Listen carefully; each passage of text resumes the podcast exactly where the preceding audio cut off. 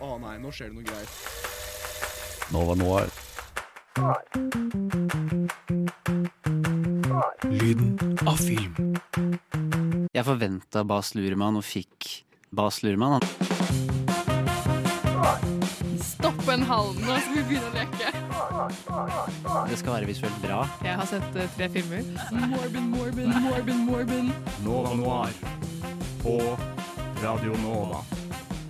Sjangeroverskridende, du vet ikke helt. Postmodernistisk. Vi skal snakke om hvordan De bare satt og diskuterte. Da, da var jeg sånn OK, dette her var litt gøy, men dette er gammelt allerede. Uh, kommentarer på samfunnet og sett siden sist. Jeg har heller ikke sett Taxi Driver. Så jeg har heller ikke sett Taxi Driver.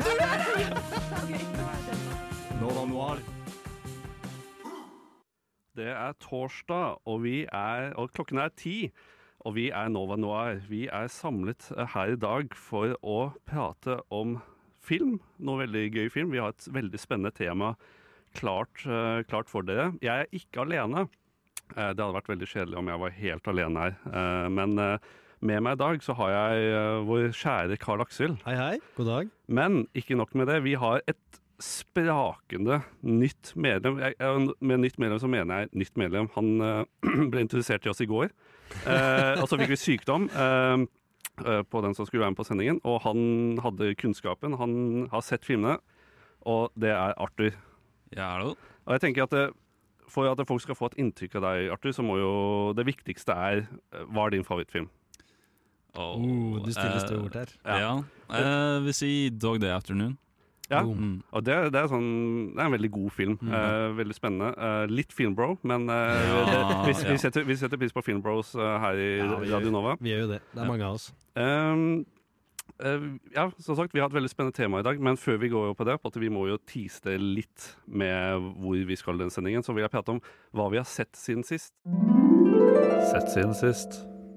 Uh, Karl Aksel, eh, hva har du sett siden sist? Eh, vet du hva, Jeg har vært i en veldig sånn der, eh, hva skal jeg si, dramatisk eh, fase av livet mitt akkurat nå, så da har jeg tyrt til eh, de eh, ytterste midler. Jeg har begynt å se på Småspioner igjen, Uh, så nå har jeg rewatchet Småspioner 1 og 2. Og jeg har funnet ut at det er noen av favorittfilmene mine, egentlig. Jeg er så sykt glad i de filmene der. De De definerte hele barndommen min. De har jo veldig god sjarm, da. Jeg, jeg syns det. Jeg, altså, det som jeg syns uh, slår veldig godt igjennom nå til dags, så er bare sånn alle gadgetsene som er med i den filmen der. Mm. Jeg blir så betatt av det, egentlig. Alle de der, det er liksom sånne under, eh, undervanns Liksom en sånn drage Hva heter det? Dragonfly? Ja. Sånn, eh, sånn skip som de bruker, og så er det masse sånne gadgets de har på håndleddene sine, som en klokke som egentlig ikke er en klokke, men liksom en elektromagnifiseringsting. gadget. Det er masse sånne små Sånne, ja sånne, De er veldig koselige ting, da. Så jeg, det er gode filmer. Det er jo nesten en sånn uh, Inspector Gadget-film som er bedre enn uh, den ekte real life action-filmen av Inspector Gadget. Ja, virkelig. Og jeg vil si toeren er veldig bra, med sånn Steve Buscemi og sånn, som bare spiller Det er jo mad scientist. Du har jo det sitatet ja, fra Steve Buscemi, da. Ja. Um, du har jo disse småspionene som er en sånn latterlig dårlig Eller det er en barnefilm, da. Ja, det er jo det. Og så kommer han med dette undrende sitatet. Do you think God stays in heaven because he too is, is afraid of uh, what is created, eller et eller annet. Og det er bare det er så bra. Det Det er så sjukt bra. Det fortjener ikke å være i den filmen. Nei, det bare skinner så sjukt gjennom fra resten av Ja, men det er- det er akkurat det. Eh, men uh, vi, vi, det er ikke bare du som skal prate om hva du har sett siden sist, uh, Karlakser. Vi har jo også Arthur, og Ja. du har jo sett en del filmer siden sist, har du ikke det? Jo da, jeg har sett mye. Jeg har nettopp sett uh, Den siste våren. Eh, Ja. sånn, eh, jeg var litt uh, treg på den partyen der, men Mm. den eh, var utrolig bra. Mm. Masse glitter. Det har Veldig kul å se. mye buzz, har den ikke det? Jo, den eh, er jo uh, filma i Nord-Norge, Mm. så jeg følte meg veldig Ja. hjemme. så det var veldig gøy å se. Og så så jeg også Voice, som er fra samme selskap, Jack. Eh, den handler om uh, unge, unge folk i eh, Groruddalen, og den, uh, den anbefaler jeg veldig mye også. Ja. Den kommer eh, etter hvert ut på kino i hele Norge. Ja, ja men det, det gleder jeg meg til. Mm. Uh, jeg, det, det jeg har sett siden sist, det er, ikke, det er ikke høykultur, men jeg så National Treasure 1 og Mm. planer om å se toeren. Uh, veldig fornøyelige filmer. Uh, det er jo Nicholas Cage som er på kanskje minst Nicholas Cage. Og jeg synes når han blir holdt tilbake, så er han også ganske god. Men du må, liksom, du må gi han eh, Du må enten gi han for mye makt eller for lite makt. For at Mm. hvis han kommer i sånn mellomgreie, så blir det bare rart. Men uh, National Treasure var overraskende bra. Um, var litt sånn wannabe wannabe James Bond slash Indiana Jones til tider. Ja. Uh, men du hadde ikke sett den før, eller? National Treasure? liksom, jeg, den kom ut var 2003 eller 2004 eller noe, og det var da jeg så den. Så det er jo oh, herregud, er det sju, sju år siden? Oh, det vil ikke jeg tenke på. Nei, ikke gjør det. Um, ja, men det er gøy å høre hva det har sett siden sist. Men Mm. uh, jeg tenker at uh, vi kan gå videre. Du, du, du lytter til Nova Noir. Du lytter til Nova Noir hver torsdag 10 til 12.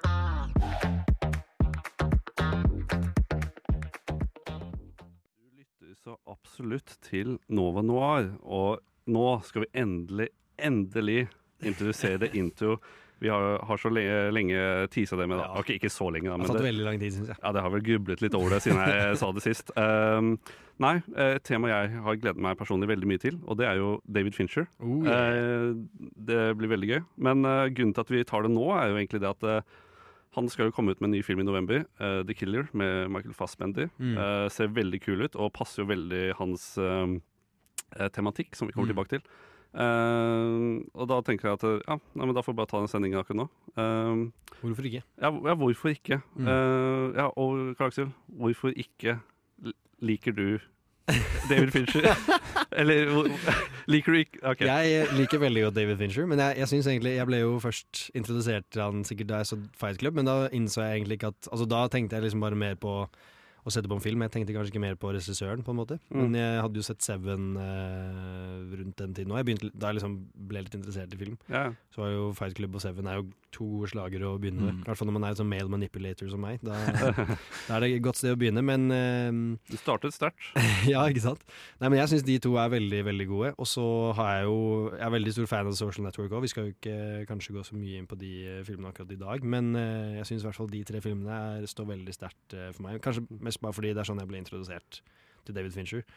Eh, Man har jo sånn litt, sånn, litt ekstra kjærlighet til det man starta med. Ja, Og jeg syns jo Fight Club er jo bare Jeg tror det er en film de aller fleste vil si er veldig bra, selv om det er en veldig filmbro filmbro-film.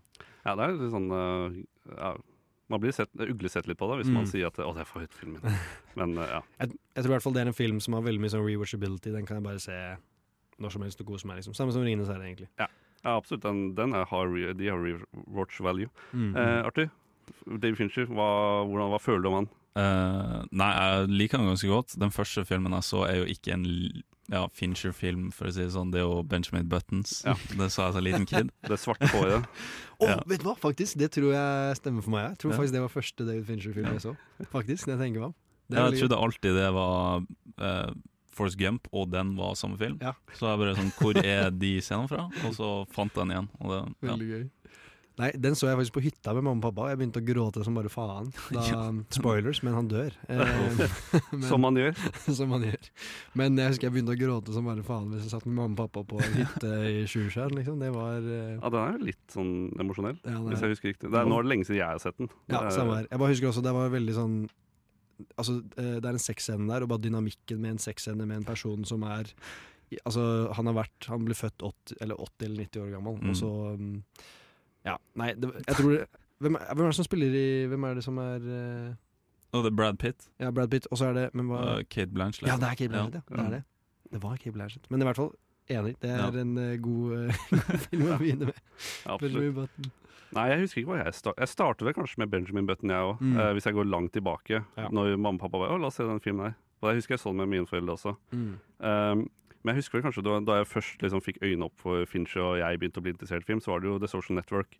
Som vi Mm. ikke skal prate så mye om i dag, men den er jo også knall-Fincher-film. Liksom Mm. Bare måten den er satt opp og lagt opp. Og så har du jo han eh, Nå glemte jeg han manusforfatteren. Han er jo dritkjent. Aaron Sorkin. Er, ja, så klart. Mm. Aaron Sorkin han er jo veldig kjent med snappy dialog, eh, og de var jo sånn power duo. Mm.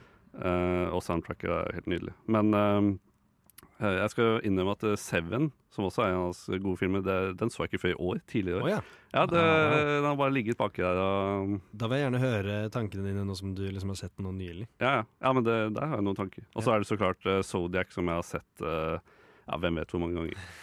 Det er liksom, greia at Fincher har en stil, han har liksom, men han har mye variert også. Se om det eh, holder seg inni den pakken. da. Ja. Um, Ja. Det, altså jeg syns, eh, i hvert fall når man sammenligner kanskje Jeg føler Fight Club og Seven har kanskje sånn visuell eh, eh, mye likhet, da, i hvert fall. Mm. Men sånn eh, eksempel The Social Network og Gone Girl eh, føler jeg også er veldig like. Men jeg tror det Mm. er da han begynte å, med disse mm, kamerabevegelsene sine og sånn. Ja. jeg føler du kan egentlig bare Scenene i Gone Girl og The Social Network bare føler jeg kopierer hverandre nesten. For det er så mye sånn Mm. Det er bare, altså, det, Alt er jo på um, sånn trolley, eller hva det, nå glemmer jeg hva det heter. Nei, dårlig? Ja, Ja. Dolly, Dolly, ja. Dolly, ja. Dolly var det. Så uh, det er ikke noe sånn freehand uh, kamerabevegelser.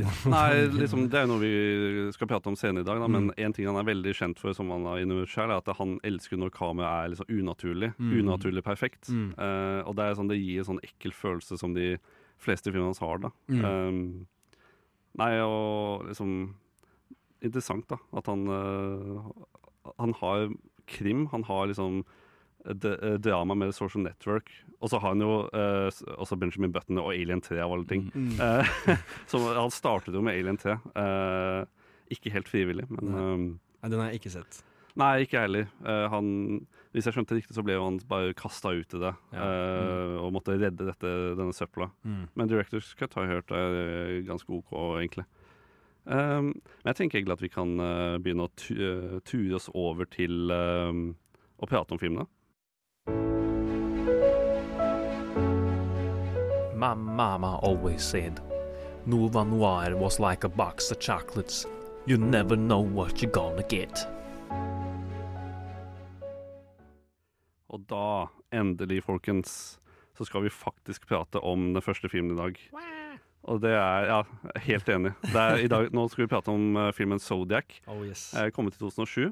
Uh, den er satt i eh, California i 1969. Starteren. Eh, vi følger eh, det, det skjer mord i, eh, der på, på 4th of July.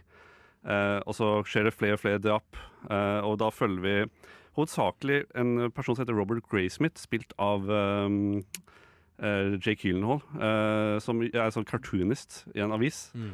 Eh, og de får tilsendt eh, koder. eh, som en av få, få aviser som får tilsendte koder da, som må bli publisert på forsiden av avisen. Mm. Alle sammen må publisere det, hvis ikke så skjer det medieapp. Mm. Uh, men det skjer medieapp, åpenbart.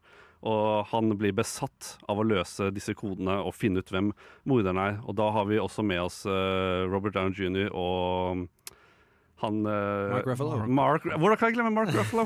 Herregud, han, eh, han gjør en jævlig god jobb. Ja, han gjør det. Um, nei, eh, dette er jo fjerde gang eller et eller annet som jeg ser denne filmen her, og jeg, Mhm. jeg blir ikke lei. Nei. Eh, den er så vellaget, og det er sånn peak uh, Fincher i mm. måten han eh, setter opp ting, og hvordan scener er eh, eh, skutt og regissert. Det er jo helt eh, eh, mesterverk. Mm. Um, hva tenker du, Arthur, om uh, Zodiac? Har du Ja. Jeg syns den er veldig kul.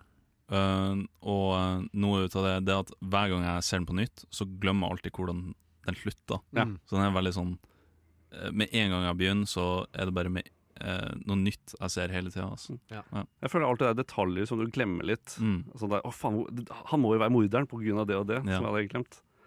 Jeg, eh, jeg liker veldig godt at liksom filmen eh, starter jo med hva skal jeg si, introduksjonen til mordene og sånn, på en måte. Så Mm. du ser liksom veldig Du får veldig deskriptiv uh, skildring av, av disse mordene. Eksempel den som skjedde på 4. juli, og den som skjedde ved den uh, ved den innsjøen hvor det liksom bare blir knivstukket i, i, i ryggen og blir bundet fast og alt mulig. Det er veldig Mm. sånn brutale skildringer. Det er veldig grafiske. Veldig. Altså sånn eh, Til og med hun eh, kvinnen som blir stukket i hjel. Du hører liksom bare at hun mister all luften i lungene, og at hun ikke klarer å Og det er ikke noe musikk, det er bare skrik og kniv. Ja, og veldig Altså igjen dette med mm, det vi snakket litt om tidligere med eh, den, disse kamerabevegelsene. Du bare ser sånn slow pan-bevegelser fra eh, liksom Zodiac-karakteren som står gjemt bak et tre i sånn en guffen eh, uniform med liksom stor svart hjelm eller en hette eller hva det nå skulle være, til han bare går bort til disse han nettopp har bundet og bare begynner å stikke de med en kniv etter at han har sagt at han skulle gå eller et eller annet sånt. Ja. Så det er uh, utrolige uh, Hva skal jeg si uh, ekle skildringer av, av mordene. Men jeg liker også at det liksom går sånn sakte utover, og så etter det så får du kanskje bare sånn unraveling av eh, brevene og sånne ting etter hvert. Og det, det jeg syns er litt sånn spennende med filmen, er at første halvdel er jo veldig fokusert på mordene og løse mordene. Mm. Men så i siste halvdel så begynner det å gå veldig treigt, og det er jo og da er det mer fokus på eh, selve Robert Graysmith, da, eh, Jake Mm. Gyllenhaal, som bare blir mer og mer sånn gæren og besatt av denne saken, eh, og til slutt ødelegger sitt andre ekteskap. Eller, Ja. ja. Jeg tror det var første ekteskap. Nei, man hadde barn fra før. Å ja, det, Mm. oi, da er er du helt redd faktisk. Men eh, jeg syns også det, det skildrer jo kanskje litt eh, hvordan det faktisk var med den etterforskningen, for den, den har jo aldri blitt løst. Mm. Eh, og den er jo åpen enda, vet jeg, i noen av disse. I Vallejo tror jeg den er åpen og sånn ennå. Som er en av Og det tok jo måneder mellom det forskjellige drap, og av til Ja. år, ikke sant. Mm. Um, og en ting jeg må, må si før jeg glemmer det, at liksom en utrolig kul detalj som egentlig ingen kommer til å legge merke til, som David Fincher bruk, eh, gjorde i den filmen, da, er at eh, vi, vi ser jo um, vi, vi ser jo en del av drapene, eller forsøkene på drapene, og så ser vi en gjerningsmann uh, kledd i skygge og forskjellige klær. Mm. Og hver av disse skuespillerne, eller hver av disse Zodiacene er en, en, en annen skuespiller. Så, Ah. og han skuespilleren er castet basert på vitnebeskrivelser av den gjerningsmannen. da. Wow. Eh, og dette er jo bare toppen av isfjellet på hvordan uh, David Fincher går i detaljer. Mm. Uh, bare for å gå tilbake til det drapet ved sjøen, da, hvor Mm. uh, damen og mannen blir knivstukket.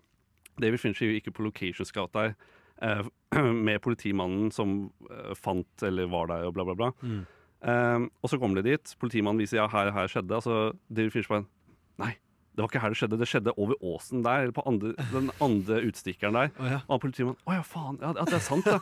Og det er på at Dave Fincher så på trærne og liksom lyden, hvordan lyden ville sprettet uh, mm. Det er bare jeg, jeg føler det er så mye karakteristikk da fra David Fincher som bare tyter gjennom her, og hans uh, kreative måte da, eh, er på full front her. Og kanskje at den er altfor perfeksjonist. Ja. Men veldig god Hva skal jeg si Det er en veldig god Nå glemmer jeg ordet, men det er en god egenskap å ha når du er eh, filmregissør. da Å være perfeksjonist. Ja, det er jo det. Du kan ikke bli helt som Kubrick heller, som var perfeksjonist og, og en kjip eh, person mot skuespillerne dine. Nei. Mm. Eh, nå vet du jo at David Fincher er veldig hard mot sin Eller crew, da, at de tar veldig mange takes, men Mm. han er ikke på Kubrick-nivå. Mm. Ja, kanskje. Jeg har hørt at det, det tok 36 takes å kaste en bok på et sete. Slik til når du måtte bare sitte der og kaste den på nytt og på nytt. og på nytt. Høres litt uh, utrivelig å jobbe med, men Mm. uh, man har jo et image. Eller eh, man har jo liksom uh, Man har en idealistisk syn av hvordan det skal være, så det Mm. er jo litt kult da at han, eh, at han vil det så veldig. Mm. Eh, en ting som En ting som er, begynner å bli gjengang i David Fincher-filmene, nå som jeg så disse filmene på nytt, da, er at Mm. eh, nesten alle filmene, i hvert fall alle filmene vi har sett i dag, er på over to og en halv time. Mm. Og jeg føler at de Noen av de er kanskje litt De er litt lange i runtime i forhold til hva historien handler om. Da. Det er sånn tydelige steder hvor du kunne klippet. Føler dere at den er for, noen, filmene hans er for lange, og spesielt Zodiac? Mm, jeg syns kanskje i med Zodiac er det kanskje et virkemiddel, til og med. Og jeg, Mm. altså jeg er veldig glad i den filmen, og jeg syns den er Den bevarer liksom spenningen gjennom hele. Ja. Uh, jeg syns i hvert fall mot slutten synes jeg den er helt utrolig spennende. Bare fordi jeg syns Det er en scene hvor han liksom besøker uh, en av disse eh, mennene han tror kanskje kan være Zodiac, og så drar han liksom ned til kjelleren hans, og de har jo tidligere gjennom hele filmen egentlig sagt at en, eh, et suspect kan være en person som har en kjeller, og det er veldig få folk som har kjeller i California. Og så Mm. drar han hjem til en som han ble tipset om, eller et eller annet sånt, og så har han en kjeller, Ja. og så står han der og hører fottrinn i eh, andre etasje og sånne type ting. Og den scenen har jo sånn mesterfull oppbygning også. Ja. Det er, og det er, jo en, sist, det er jo egentlig klimaks i filmen helt på Mm. slutten der. At da alt går til helvete, på en Ja. måte. Men er sånn, jeg syns jo filmen var helt perfekt, og så så jeg den på nytt igjen nå med kjæresten min. Mm. Og så er det jo partiet før denne skjellesekvensen hvor det er veldig mye frem og tilbake med Mm. papirarbeid og besøk. Og, Ja. uh, og det, det fikk meg til å tenke litt at den kanskje, kanskje kunne vært trimma litt. Mm. Men uh, jeg syns jo det er veldig liksom, Jeg går sånn frem og tilbake på det. Ja. Og det, det er jo et virkemiddel også med at filmen er lang, for Ja. å faktisk komme deg inn i hodet på Graysmith. Og det, det var jo en veldig kaotisk etterforskning. Jeg tror også det at det er en litt kaotisk film, det gjenspeiler jo litt det, på en måte. Ja. Men det er jo til tider vanskelig å følge med og, og holde seg liksom Altså jeg føler i hvert fall med disse filmene vi skal snakke om i dag, så føler jeg det kanskje er et kjennetegn på mange av de. Mm. At det er litt vanskelig, Du må følge ganske godt med, for det er så mye det er så mye fram og tilbake, og det er så mye forskjellige navn. Det kan være litt flashbacks til og med her og der. Ja. Og, ja. Og det er jo kanskje en pekepinn på at uh, det, det er jo interessant på at alle filmer vi prater, skal prate om i dag, det er krimfilmer. Mm. Det er ganske hardbarka, dette er krim. Uh, og det oversetter kanskje ikke så godt uh, til film som det gjør fra bok. Uh, Mm. Nå er jo i hvert fall alle filmer vi skal prate om i dag, basert på bøker. Mm. Fincher er veldig glad i å adaptere bøker om til film. Mm. Um, så det, det syns jeg er litt interessant, egentlig. Mm. Um, Nei, men jeg, jeg syns jo Zodiac er en veldig bra film, og jeg, eh, jeg går alltid frem tilbake på liksom, om det er min favoritt-Finch-film eller ikke. Uh, jeg tror det er et hmm, det, det er jeg veldig usikker på selv. Mm. Ja. Men den er veldig høyt oppå der, da. Ja. Jeg vet ikke hva du syns, Arthur. Jeg syns den er ja, midt på treet. Ja. Hvis jeg vil Ok, ja. Spennende. Men hvis du, Spennende. hvis du skulle plassert den i sånn ranking av de filmene vi skal prate om i dag, hvilken eh, Mm. Da vil jeg si nummer to, egentlig. nummer to? Ja, Oi, midt på treet. spennende. Oi. Eh, Da er jeg faktisk veldig usikker på de andre, hva Ja. det kommer til å bli. Jeg, jeg syns faktisk eh, en av de siste scenene hvor Robert Graysmith og, um, og David Toskey, altså da Mark Ruffalo sin karakter, Ja. da de sitter i den kafeen og sitter og prater, og du liksom får høre detaljene om um, om denne um, Om han Arthur Lee Allen, Ja. var det han het. Som, som de da tror kanskje kan være Zodiac, om du får vite alle disse tallene, og at han bodde 40 minutter fra Mm. et offer, um, og at liksom, alle detaljene matcher fra da alle brevene ble sendt til han var i fengsel, og han kom ut fra fengsel og sånne type ting. Ja. Jeg får så gåsehud hver eneste gang jeg ser den. Ja, det, Den er sånn mesterlig sånn oppsummering av en sak, da, Ja. som jeg syns ja. Eh, til, til å være liksom en veldig sånn Det er jo bare en dialog mellom to karakterer, så syns jeg bare den er så Det er den mest spennende scenen i hele filmen, syns jeg. Bare Å, du fordi, syns det? jeg synes det er fordi jeg syns de I hvert fall uh, Mark Ruffalo jeg har, jeg har nylig sett Spotlight òg, han er veldig lik i de to Ja. filmene. For han er litt sånn Han er veldig engasjert, men han er litt sånn careless. Og han er sånn, ah. Men han, han viser litt engasjement i akkurat den scenen der. Jeg synes han blir veldig sånn Han er veldig flink til å liksom dra folk inn med sin eh, drivkraft. mm. Eh, men uh, avslutningsvis, uh, Karksel, Mm. uh, hvor ville du plassert denne her? oh, tre. Jeg vil nok si det er på førsteplass. Og det er førsteplass. Vi Ja. starter start for deg. Ja, jeg tror Ja. det. Hva med Men- deg? Skal vi se Nei, det er nok ah, første liksom Ja, det er nok første for meg også, altså. Mm. Det, den er såpass god, og jeg har jo et stort man-crush på Jake Gyllenhaal. Føler den. Uh, Ja.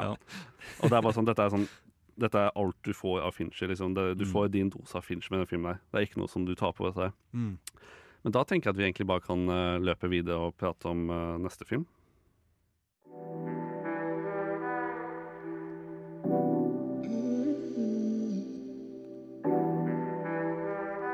Nova? Nova? Nova Noir?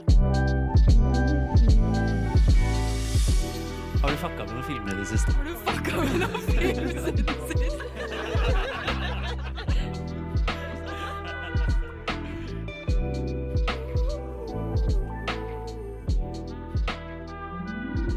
Sett siden sist. Ja, og da Den neste filmet skal du ikke fucke med, i hvert fall. Um, Karl, kan ikke du bare gi oss en sånn kjapp uh, intro til den filmen? Absolutt, det kan jeg gjøre. Uh, The Girl with the Dragon Tattoo er jo en 2009-remake. En engelsk remake av den svenske filmen, som er en adaptasjon av bokserien som jeg ikke husker. Millennium-trilogien. Ja, som hater kvinner. Hva sa du? Menn som hater kvinner. Ja, riktig, men jeg husker ikke forfatteren. Men Stig Larsson. Stig Larsson var det. Jeg har lest bøkene. Stig Larsson tydeligvis døde rett før eh, bøkene ble lansert i det hele tatt. Ja, Men ikke et, før, det ble- etter første eller noe. Noe, det er en tragedie der òg. Ja. Men i hvert fall så handler filmen om Michael Blomkvist, som blir spilt av Daniel Craig, som er en journalist eh, som blir etterspurt for å skrive en biografi av en eh, velstående gammel industrimann som heter Henrik Wanger, og familien hans. Men i all hemmelighet har Henrik Wanger da ansatt han for å egentlig etterforske forsvinningen av Harriet eh, Wanger, som da er Henrik sin niese. Eh, og etter hvert, eh, etter han oppdager noen ugler i mosen, så eh, ansetter han da Rooney Mara sin karakter, Lisbeth eh, Salander het hun. eh, som da er en hacker, og som har tatt sånn bakgrunnssjekk på, på Michael Blunkes for å se at alt er Gucci. Eh, og chaos ensues. Men eh, ja, god film, syns jeg. Mm. Ja, jeg syns det var veldig bra. Men eh, tilbake til det du prata om tidligere, Clarkser, er at denne filmen her, her har du ikke kontroll på ting. Her blir du kasta Ja. navn og fjes og bare alt på deg. Ja, Så her er det kaos. jeg slet litt med å følge med. Mm. Eh, men eh, sabla god film. Artig, hva var ditt inntrykk av film? Nei, altså, den uh, starter jo bare rett på, men uh, sånn 30 minutter inn i filmen så får du vite hva hovedplotpoint er, og det bygger seg opp, og så Mm. er det jo disse to karakterene som er på hver sin side, og du vet ikke helt hva som skal knytte de sammen, da. Mm. Men etter hvert i filmen så får du vite litt mer av de, da. Så, Mm.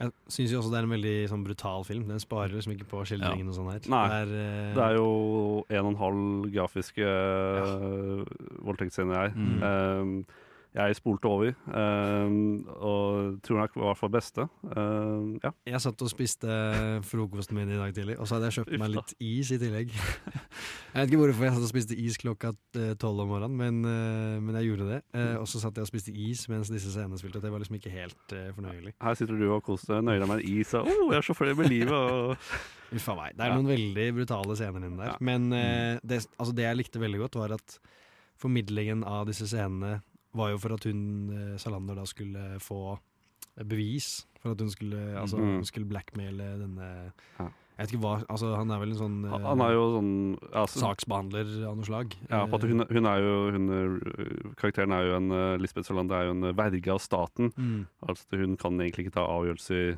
Mm. selv, på en måte. Uh, får lønn av staten og sånt, da. Ja.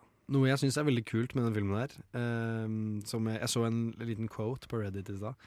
Som, eh, for jeg er en skikkelig Reddit-film-bro. Men uh, i hvert fall så uh, var det at seerne følger på med følger, Altså seerne vil at dette mysteriet med Harriet og Henrik Wanger skal bli løst. Mm. Mens regissørene har jo på en måte De syns jo Salander er en så interessant karakter at de vil jo på en måte Mm. at hennes mysterium skal bli løst også. Så jeg føler mer at det er en film om Salander, egentlig, enn uh, en Wanger-familien. Jeg føler det blir det til syvende og sist òg. Ja, ja, nå, nå, nå, Hun får utrolig mye plass, i hvert fall, i den filmen der. nå har ikke jeg lest boken, eller, men jeg, det, jeg leste også på Reddit for øvrig. At uh, i, i bøkene så er liksom den dragtatoveringen er jo ikke så viktig som Det er, liksom, det er ikke så superviktig da, Mm. i forhold til det. Um, og svenske originaltittelen er egentlig 'Menn som hater kvinner', Mm. som er egentlig en mye mer passende tittel, syns da jeg. da. Ja. Um, Men ja, nei, jeg syns det er en uh, veldig, veldig god film. Mm. Uh, og dette er jo også igjen da typisk Fincher. Uh, hvis du ser bare sånn behind the scenes-video, så bare ser du han, En annen ting han er veldig kjent for, er at han er, bruker veldig sånn unødvendig CG. Det er sånn Mm. alt Du skulle ikke tro det. Mm. Så Ja, helt til slutt i filmen så er det jo all den snøen, tror jeg CGI. Ja, det er akkurat det. Jo, jo, jo. Mener du det? Og når, jo, eh, Dan Craig, eh, Dan Craig sitter jo i badekaret med blod Ja. og skal skylle det bort. Når hun kaster vann på han og det blodet Det blodet er CG når det forsvinner i vannet. Det er bare en, men det er jo bare så at han kan ta så mange takes han vil. ikke Ja. sant? Han, han, han er vel veldig fornøyd med at CG er inne i bildet, tror jeg. Ja, han, Ja. Liksom, han og Christopher Nolan setter jeg liksom like høyt sammen, men de er veldig veldig forskjellige regissører. Ja. Uh, men en ting, jeg, en ting jeg stusser litt over, da, som Mm. kanskje var litt sånn småirriterende, at det er, det er et mysterium om hvem er det som har drept hun, denne jenta for mange Mm. mange år siden, uh, og en av de mistenkte. Og, så jeg burde sagt dette tidligere, men vi kommer til å spoile filmer her. Eh, Mm. eh, Den store bad guyen er jo figuren spilt Martin, spilt av Stellan Skarsgård. Mm. Um, men jeg følte at det var litt sånn åpenbart pga. Ja. at det var Stellan Skarsgård. Han Ja. er den mest høyprofilerte skuespilleren, bortsett Ja, fra. Daniel Craig, i den filmen. Jeg er enig der. Uh, så jeg syns jo kanskje um, Igjen, da, dette er liksom Hollywoodifisering, da. Mm. Det er også en scene hvor, eh, eh, hvor da Michael Blomkvist er på besøk hos Martin og en annen en, Mm. og så sitter de inne og tar en drink, og så bare hører du et skrik i bakgrunnen, og så bare sier han 'Å, vinduet mitt er åpent'. Og den syns jeg var sånn Ja. Come. Den Ja. var litt åpenbar. Og han er altfor snill, ikke sant. Ja. Men sånn, jeg tror kanskje på den tiden, 2009 Jeg tror kanskje um, Mitt syn av Stellan Skarsgård er at han er jo en kjempesvær skuespiller. Liksom. Jeg vet ikke om Ja. han var like stor på 2009. Han var kanskje en litt mer lokal svensk eh, Ikke lokalt, lokal, det må jeg si, men nei, han er i hvert fall Han var kanskje mindre skuespiller. Da. Nå er han jo liksom blockbuster-type. liksom, han ble Ikke at jeg vet dette, her da, men den Mm. eh, største internasjonale rollen jeg så han i, bortsett fra nordiske serier, var jo Han dukket opp i Avengers. Eh, Ja. Og da ble jo han eh, kjent for allmennheten, da, Ja. eh, hvis Ja. jeg kan si det på den Ja, måten. Eh, og det var jo Avengers kom ut i 2011, tror jeg. Mm. Ja, noe å nevne med den filmen her også er jo at eh, så altså gjennom hele filmen så er det jo et sånn, en generell tematikk er jo mye sånn voldtekt og bare sånn Mm. generelt. Ja. Altså eh, trakassering av kvinner og sånn. Det er jo et veldig sånn Jeg tror også selve bøkene handler om at Stig Larsson så så et voldtekt som han ikke kunne Oi. gjøre noe med, og at, han da ble motivert til å skrive disse bøkene bare om menn som da hater kvinner, Ja. og bare om disse Ja.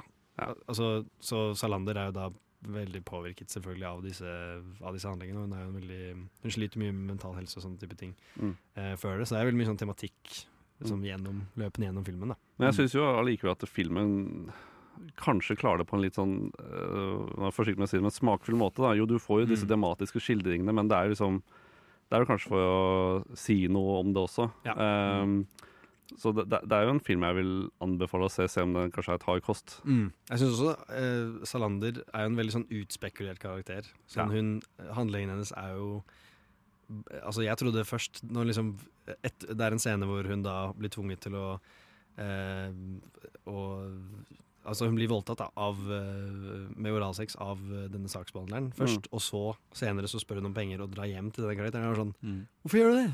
Sånn, Ja. Ikke gjør det. Men så var det jo Det var en utspekulert plan bak det. Eller? Jeg, det.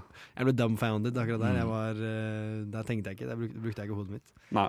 Nei, men det er jo vanskelig å sette seg i den situasjonen, og spesielt villig gå til det stedet der og for å fremme din, det du vil. da. Mm. Eh, så veldig sterkt gjort. Jeg syns jo også hun er en veldig sånn Hun er en veldig kul karakter. Mm. Det er jo, Ja. jo, hun er en sånn stereotypisk sånn godt punker, men jeg syns Mm. du liksom klarer det Allikevel så får, har hun en sjarm, da. Mm. Og da, der igjen da, så føler jeg kanskje at uh, det er jo I den svenske versjonen så har hun spilt av Numi Repasje, Mm. hvis man er sånn man sier det. Mm. Uh, og nå har ikke jeg sett den svenske, men bare sånn, hvis du ser på sånn utseendemessig, da, så er det så um, Vanskelig å se i hvert fall Numi sin versjon da, bli spilt i Fincher sin versjon av filmen. Mm. På det der sånn Ja. Jeg syns det var litt artig å se uh, Rooney Mara spille den rollen her, fordi uh, sist gang jeg så um, uh, Sist gang jeg så Rooney Mara, tror jeg var i Er det Little Woman den heter? Den filmen? Jeg tror den heter det. ja. Mm. Er det ikke? Woman Talking heter den, unnskyld. Woman Little Talking, Woman. ja. Little Woman er noe annet. Men uh, Woman Talking var det. Uh, og det, det er liksom en helt annen rolle. Den handler jo også om mye uh, Altså Det er jo samme litt tematikk, Mm. bare ikke en David Fincher-film. Det er jo en kvinnelig regissør og manusforfatter. Ja. Så det er en litt, uh, litt annen film. Men samme, samme tematikk, da. Mm. Men uh, litt sånn avslutningsvis, da. Så dette, er, uh, dette er jo en bok av en Hvor mange Er det fire bøker? Det er ganske mange, eller i hvert fall mange bøker. Du- er det ikke en triologi? Jo, det er kanskje det. Mm. Eh, men Fincher lagde jo bare én, én film av den trilogien. Eh, jeg vet ikke hva som skjedde med Hvorfor det ikke ble en toer, men nå Det er jo en del år siden nå, kanskje 2018 eller et eller annet. 16 så kom jo en Er det så sett? Men uansett, uh, en eh, The Spider's Web eller et eller annet. Men da har det jo ny regissør Mm. og ny uh, skuespiller. Hvis jeg husker riktig, så er det hun skuespilleren fra 'Promising Young Woman'. Hun eh, som jeg glemmer navnet på akkurat nå. Men eh, den var visst ikke så god, da. Mm. men nå har jeg også lest at bøk, den første boken er definitivt den beste også. Mm. Ja, men hva er siste inntrykk av filmen, Arthur? Liksom, hvor vil du sette den på tre, og hva, hva føler du om den? Eh, For å være så eh, dyster og trist, så syns jeg også den er litt morsom. Mm. Ikke ta feil her, men eh, Daniel Craig er veldig morsom, i hvert fall når han er alene med den der katta. Han er bare sånn nesten som Buster Keaton. Bare sånn, Hele han er ganske morsom, Mm. og det føler jeg ikke blir sett nok. Mm. Altså, den, den er veldig trist og veldig mye sånne dype ting, men når han er så morsom, så liksom jevner det seg ut. Mm. Så det blir ikke sånn Det er ikke bare voldtekt, det er også Buster Keaton. Ja. Ja, Daniel Craig var jo også et veldig stort høydepunkt i den filmen. Mm. Mm. Men uh, hvilken plass vil du gi den? Nå har du gitt bort andreplass, Ja. så det er jo best eller dårligst. Uh, nei, jeg må si tredje. Ja. Jeg må si Mm. tredje. Hva med deg, Clarksel? Det blir nok uh, tredje her òg, tror jeg, for min Ja. del. Men jeg ble veldig, jeg, det var første gang jeg så den i dag, og jeg var veldig positivt overrasket. Jeg syns den var uh, veldig ålreit. Nei, jeg vil jo Jeg, jeg sliter veldig eh, om det blir andre eller tredje for, for min del. Mm. Eh, jeg syns den er veldig bra. Uh, litt hard kost. An neste film vi skal prate om, er også veldig sånn blandet til. Mm. Eh, jeg vil kanskje Jeg må kanskje bare si fjerde Nei, fjerde, sier jeg. Eh, bonusfilm. Nei, Mm. eh, tredjeplass. Bare sånn at vi får det bort. Men uh, Mm. det er en uh, høy tredjeplass. Da. Det er nesten en andreplass, liksom. Mm. Så, men da tenker jeg egentlig at vi kan bare gå videre til neste tema. Terningkast fire. Terningkast fire. Terningkast fire. Terningkast fire. Terningkast fire. Og det blir terningkast fire. Birger Vestmo, er det deg? Ja, det er et lite shot til deg, Birger Vestmo. Men uh, det er ikke din stil vi skal prate om i dette stykket. Vi skal prate om stilen til Fincher. Eh, Han har jo, jeg, jeg har jo sagt det mye i løpet av sendinga, at han har en veldig sånn der eh, egen stil og eget sånn tema han, uh, han, han pleier å holde seg til. Arthur, er det, har du lagt merke til noe som er sånn Dette er Fincher. Dette, når med en gang du ser det, så bare Det er Fincher. Ja, altså det, De fleste filmene hans er jo ganske mørke, Mm. og mørk tematikk, og det ser ganske mørkt ut. Og så er det veldig mye bevegelse i kamera på personer. da. De følger etter, og det er det første du ser når du ser etter stilen til Lynch. Nei, Finch. Ja. Aksel? Jeg er veldig enig i det. At Mm. uh, han, er, han er veldig god på liksom, brutale scener. Mm. Uh, jeg syns også liksom eh, Sånn overliggende så er det kanskje ikke så mye brutalt med filmen hans. Utenom sånn Seven og Fight Club, da, kanskje. Men eh, eh, kanskje The Social Network er vel kanskje den eneste. Og Benjamin Button, da, tydeligvis. Mm. eh, som kanskje ikke går så dypt inn på liksom sånn veldig brutale skildringer i filmene. Men sånn Gone Girl og sånn har jo eh, De har noen få, men kraftige scener. ja, veldig. Men de, de slår jævlig de, Han slår til når han, når han vil, liksom. Da er det ordentlig brutale scener. Ja, det er akkurat det. Men jeg syns det er veldig spennende dette med sånn kamerabevegelsen og sånn, sånn, Mm. sånn han bruker. For han bruker det liksom som et virkemiddel til karakterene sine, som er veldig artig. Det, det er jo det som jeg sa tidligere, at liksom, han, han har jo sånn kamera som er sånn una, unaturlig. Liksom, Mm. Det går helt perfekt, og det, av og til så bare flyr det smooth gjennom for å få det perfekte shotet. Eh, han er også veldig glad i å ha sånn grønntint i Mm. litt sånn lyspære. Sånn, det er sånn litt sånn uggen stemning hele tiden. da Ja. Og det, må ikke, og det er ikke nødvendigvis bare i krim eller disse litt mer aggressive filmene hans, men det er også Social Network, så ser du også litt, sånn, litt ukomfortable farger og sånt. Den er veldig grå. Social Network er jo dritgrå. Ja, det, det er den. Og sammen med Gone Girl er også ganske grå. Og uh, The Girl with the Dragon Tooth er jo bare mørk. Altså Mm. sånn, Den er bare svart. liksom. Du ser nesten ingenting annet enn uh, på slutten mot det tor- torturkammeret der. Men Mm. Ja, nei, jeg syns uh, fargene er veldig sånn interessant. Jeg synes kanskje Zodiac kanskje Den er også veldig mørk, men den har jo Mm. noen sånne lysglimt. uh, en av de, jeg tror faktisk en av de lyse scenene som jeg kan komme på nå, er faktisk det uh, andre mordet som blir Ja, ja, det er jo midt i solen, da. Midt i solen ute på fin grønn slette og sånn. Det er kanskje litt sånn god Altså litt god forskjell der, da. Ja. et mord i, ute i Det er det mest Park, liksom. normale fargene du har sett i en uh, Fincher-produksjon. Ja, det vil jeg si. Han har jo også et uh, veldig sterkt samarbeid uh, når det kommer til musikk, da, Mm. med Trent uh, Reznor og Atticus Ross. De har også veldig sånn gjenkjennelig musikk. veldig så ukomfortable, liksom duende i bakgrunnen. Så han, liksom jeg, jeg føler at han har liksom perfeksjonert sin stil, på at han Mm. har jo holdt med han har jo holdt med de ganske lenge, eh, og da, i den nye filmen hans, eh, 'The Killer', så kommer jo Så er de, til, de er jo der, de òg. Mm. og stilen er jo eh, helt lik, egentlig. Mm. Um, Men så vidt jeg har skjønt på The Killer, så virker jo ikke det Det er kanskje ikke en adaptasjon av noe? Av noe litterært verk eller noe? Er kanskje jo, jeg, er jeg, det- jeg mener at det var sånn, en, enten fransk bok eller tegneserie, var det, ja. faktisk. Ok. Eh, Så det, det er også en ado- Som adopsjon. bryter ikke med stilen, altså. Nei, det, det, det er akkurat det. Det blir også, Jeg lurer på hvordan det blir med sånn handling. For jeg, jeg vet eh, Mye av det her er jo liksom krim, men The Killer virker mer som at det bare er Han, er, han vil bare drepe, på en måte. Ja. Og så blir han jaktet av myndighetene og litt Sånn som jeg har skjønt det, så er det liksom ja, for, for de som ikke vet hva The Killer er, så er det, er, det handler om en hitman Mm. eh, som drar på oppdrag, og så virker det som at han går til å bli jaktet et, på et eller annet Mm. punkt. Men sånn som jeg har skjønt, så er det veldig mye, sånn, mye av filmen er veldig mye prep-work til selve drapene. Det er sånn, veldig sånn eh, ritualistisk nesten, og oppsett og så, Nei, jeg er veldig spent på det, egentlig. Um, Det blir gøy å se Michael Fassbender i en uh... han har jo tidenes verste agent. Uh, han, han, uh, han har vært i så mange dårlige filmer de Mm. siste årene, så jeg er veldig glad at han får en sånn høyprofilert film som Ja. dette her. da. For at han er en veldig dyktig skuespiller. Ja, han får, han får en bad, bad rep. Mm. En ting som er litt sånn spennende med David Fincher også, er at han, så, som jeg har skjønt det, da, jeg kan ikke verifisere dette, men jeg har hørt rykter at han klipper i hvert fall noen av trailerne sjøl. Mm. Um, og her må jeg bare gi en oppfordring til alle våre lyttere, og dere to som også er med meg her i studio i dag. Eh, se traileren til eh, The Girl with the Dragon Tattoo. Både det er kanskje verdens beste filmtrailer. Ok. Sånn genuint. Eh, og så etter det så kan du også se traileren til eh, The Killer, på at den er ganske lik stil. Og den Mm. er også jævlig bra. Mm.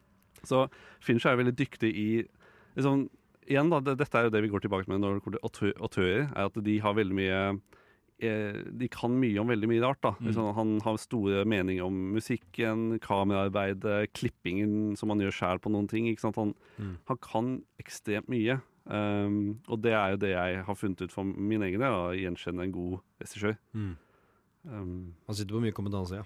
Ja, ja. Han har jo lagd eh, mye musikkvideoer Ja. før han lagde film, og så masse reklame òg. Jeg syns det er eh, Musikkvideoer og, og filmregissering tror jeg bør være I hvert fall cinematografi og sånn bør være en større clinch. Eller det bør være større samhandling mellom de. Fordi Eh, det er utrolig mange filmer som jeg tror hadde hatt godt av eh, som musikk, film, cinematografi, liksom. For det er jo eh, veldig storslått og, og Mm. sånt. Mm. Absolutt. Du har jo også han. Du har jo veldig mange moderne regissører som har delt med musikkvideo og reklamefilm før. En annen kjent person er jo Spike Johns. Jones. Har Mm. gjort mye reklame, i hvert fall. Uh, han, hvis dere ikke vet hvem det er, så han lagde blant annet Her, Mm. Mm. eh, filmen altså, og uh, en film jeg ikke husker navnet på akkurat nå. I, i, Where the Wild Things Are. Ja. Eller Wilder People et, Nei, jo, Where the Wild Things Are. Men eh, det er jo ikke Spike Jones vi skal prate om i dag, det er jo naturligvis eh, David eh, Fincher. Mm.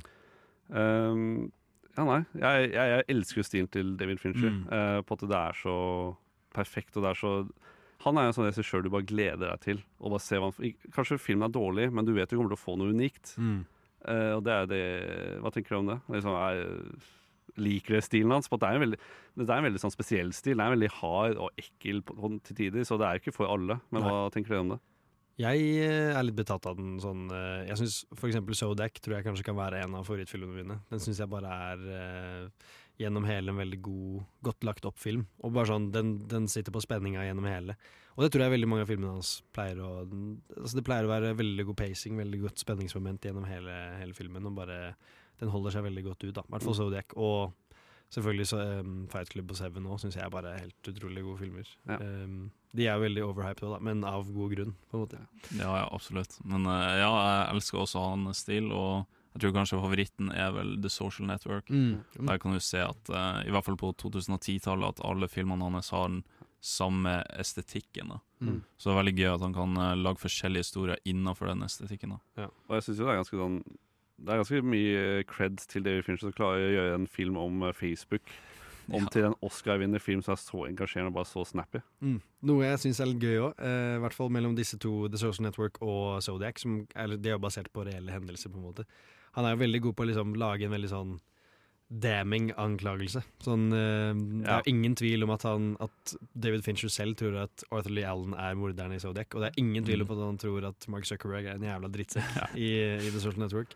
Det er jo bare det det gjenspeiler i disse filmene. Det er jo Ja, eh, The Social Network den er jo satt veldig på spissen. Uh, det, og det Så det er en veldig engasjerende film, men uh, Og jeg tror fortsatt på det David Fincher tror på i filmen, at Mm. han Nå husker jeg ikke hva han Men han- at han ble screwed over, da. Ja. Ble, men eh, ta en liten klype salt Ja. uh, når du ser på det. Jeg pleier å være litt sånn kritisk generelt til sånne mm, altså filmer som er basert på ekte hendelser, men akkurat Sodak tror jeg Fra det jeg har hørt, i hvert fall Robert Graysmith var jo med å hjelpe veldig mye med til Ja, ja. filmen. Og det var jo på en måte mer basert på boka hans også. Ja. Det er derfor den liksom tar så mye fokus på han. Men eh, jeg tror den var faktisk veldig reell. Jeg vet i hvert fall den scenen fra kjelleren, hvor du hører liksom fottrinnene fra andre etasje. sånn, Den var 100% liksom helt ekte. Mm. Fra det Robert Graysmith selv husker, da. Så det, det kan jo hende at uh, han har uh, finstilt på noe. Det er jo han som liksom er den bekreftende aktøren her. Men uh, ja. Nei, uh, det var vel egentlig stilen til uh, David Finch vi har oppsummert eh, ganske kort. Er det noe dere har lyst til å si på tampen her, eller? Liksom noe, noe spesifikt som dere har lagt merke til som vi ikke har nevnt ennå? Vi har jo nevnt CG-bruken hans. det har vi. Han er jævlig eh, glad i å vise blodig drap, da. Mm. Det er han. eh, Ekstremt. veldig glad i. Men hvis jeg, nå, nå husker jeg ikke alle disse blodige drapene han har gjort, men jeg føler de kanskje har gjort på en litt mer stilistisk måte. Ja. Det, er ikke, det er ikke helt Tarantino, men det er fortsatt litt sånn uh, Ja, smakfullt, da, er vel det jeg prøver å si. Smakfulle drap. Det Ja. Ja, Det er veldig sant. Vi kan jo snakke om det litt i, i neste film, men i hvert fall drapet i Gone Girl syns jeg er eh, ti av ti av eh, Ja. sånn uh, stilistisk drap. Ja, herregud, absolutt. Og denne, nå har du jo sagt hva neste film er, så jeg, hvorfor kan vi ikke bare gå rett over på Gone Girl med en gang? Die Hard er ikke julefilm. Die Hard er en julefilm. Die Hard er ikke en julefilm. Jo, det er en julefilm. Er det det? Ja. Ja. Alle vet det. Ser jo ikke så veldig julete ut, da. Men det er julefilm. Film er best på radio. Nova Noir på Radio Nova. Før vi går videre, så må jeg bare spørre spørsmålet Er det en julefilm? Die Hard? Selvfølgelig. Ja. Det er den mest julete julefilmen ever. Ok, da er vi alene, og da blir det ikke noe spennende å prate om. Eh, men da er vi bare allerede over på neste film, eh, og det er jo så klart Gone Girl. Yes. Uh, ja, Gone Girl er jo en film fra 2014 av David Fincher, tro det eller ei. For det er jo han vi prater om i dag. Men den eh, handler da om eh, Nick Dunn og Amy Dunn, som er et tilsynelatende, lykkelig ektepar, spilt av Ben Affleck og Rosamund Pike. Eh, Amy forsvinner i en veldig sånn eh, mistenkelig fashion, og Nick blir da beskyldt for kidnappingen og drapet hennes. Eh, alt etter hennes plan, egentlig. Så det er en veldig, veldig spennende, spennende film, syns nå jeg. Jeg liker den veldig godt. Jeg liker den også godt. Uh, litt Ikke veldig godt? Litt for informasjon, da. At eh, jeg pratet om denne filmen her på sending for to år siden. Det har gått såpass lang tid. Og det, jeg mener at jeg sa noe eh, som at eh, jeg kommer aldri til å se denne filmen her igjen. Eller jeg har ikke lyst til å se denne filmen. For at det, det, det er en, ikke Misforstå meg rett, men det er en utrolig god film. Mm. Men den er veldig skummel også, på at den spiller på en av mine største frykter, og det er å ikke bli, eller, ikke bli trodd, da. At det får, for du Ja. blir frama for ting. Og, Ja, sånn, ja. Ehm, men det er ekstremt velspilt, Ja. Arthur. Og ja. Nei, jeg vil si det er kanskje Ben Affleck sin beste rolle. Ja. Jeg tror det, ja. Mm. Og eh, herre min, altså det er jo en eh, berg-og-dal-bane. For at mm. uh, i hvert fall jeg var ganske dum, så jeg trodde jo på alt filmen sa til meg. Så jeg trodde bare fuck Ben Affleck, alt det der. Og så når du får vite da etter hvert at uh, kanskje ikke han uh, lyver i det hele tatt, at eh, det er hun som har eh, faktisk eh, ført seg sjøl bort, da. Mm. Og få se hennes historie, så er jo hun den største psykopaten innenfor film. Altså. Og liksom, Ben Affleck er jo det, det perfekte offer i denne situasjonen. her, på at Han er jo den ultimate tøffel i et Ja. forhold. Og han er så idiot også. Idiot. Han Han, er så altså, idiot. tar ikke initiativ. Og bare, Det er helt forferdelig å bare Mm. se på han bare sjangle ut. Bare gjør dette her! Du, du kommer til å skrike på TV når du ser denne filmen her. Ja. Bare på at det er, det er frustrerende. Jeg tror hele den filmen er egentlig bare en reklame for å bare ha god kommunikasjon i et forhold. For hvis Ja. disse to folka bare hadde prata litt mer sammen, eller i hvert fall egentlig bare hvis Ben Affleck, eh, Nick Dunn sin Altså hvis eh, Nick Dunn hadde prata litt mer med Amy Dunn, kona si, Ja, ja. og bare sagt 'Jeg er ikke så lykkelig i det forholdet her, jeg. Jeg, jeg syns du har så mye penger, og jeg ikke har så mye', og eh, alt sånt der. Og de kanskje Altså, han hadde turt å skille seg med jo. Da hadde Mm, alt mm. blitt fint. Men hun er jo også en veldig manipulativ psykopat også, da. Hun Ja. er jo helt klart en veldig sånn spekulativ eh, dame som alle valg hun tar, tenker hun på. Mm. For å bare manipulere noen andre. Det er ganske, helt, det er ganske sykt. Jeg leste noe spennende, et spennende argument. Da, at det er noen som, en sånn diskusjon igjen på Reddit eh, om at eh, er, er Gone Girl en feministisk film eller ikke? Og dette er jo litt gøy, da, på at vi er jo tre menn her i studio som skal kommentere på det. Men eh, det argumentet jeg leste for, eh, for akkurat det, det er jo at eh, for å være en feministisk film så handler det ikke om at du må være, liksom, det være en, hun må være snill. Hun må, hun må ikke være sånn den protagonisten i filmen. Nei. men hun tar jo egne valg og er liksom Ja, hun, hun, står Det står på sitt. Det er ganske feministisk at kvinner tar egne valg, syns jeg. Ja, ja, men det er akkurat det. da, At det, jeg, jeg bare syns det var et sånn interessant uh, synspunkt på det. da. Um, Jeg syns jo altså uh, skildringen av uh, bare Amy Dunn i sånn kvinneperspektiv er jo Hun blir jo ikke akkurat Hun er jo den mest Altså alle mennene som prater om i den filmen her, eh, omtaler hun bare som en psykopat, men det er jo fordi hun er en psykopat. Så um, da må man jo tenke kanskje hva regissøren har tenkt når de har lagd denne. Eller altså det er jo en bok skrevet av en kvinne òg, da, tror jeg. Ja, Så det er det det er jo litt spennende. Men ehm, hun er jo faktisk ekstremt manipulativ, og eh, hun har tatt altså, Mm. alle valgene hun tar mot Nick Dunn.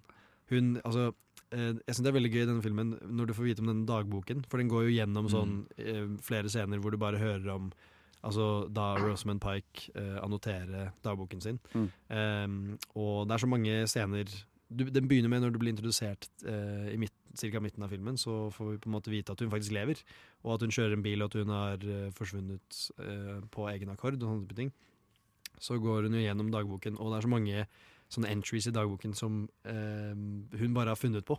Ja. At liksom eh, At hun har blitt slått i en vegg. Altså har, Han har jo slått henne og sånne ting, men at hun liksom har blitt slått på en klubbe og sånne ting. Og at det liksom skal være Mhm. drapsvåpen. Og hun, hun liksom fabrikkerer hele historien. Og det er jo sånn at det skal At det går, og at det liksom funker. Og det er det, er så, absurd. det er det som er så skummelt, er at det er så utspekulert, og alle detaljene er der. og hun, i En av sekvensene er at hun kaster masse blod på gulvet, og så Mm. vasker hun det bort, men så ser politiet det med sånn der eh, ultraviolet eller et eller annet. Mm. Og det er bare sånn Når du går på disse, dette nivået da, med detaljer, så blir du bare så Det, det, det setter frykt i meg, altså. Det gjør det.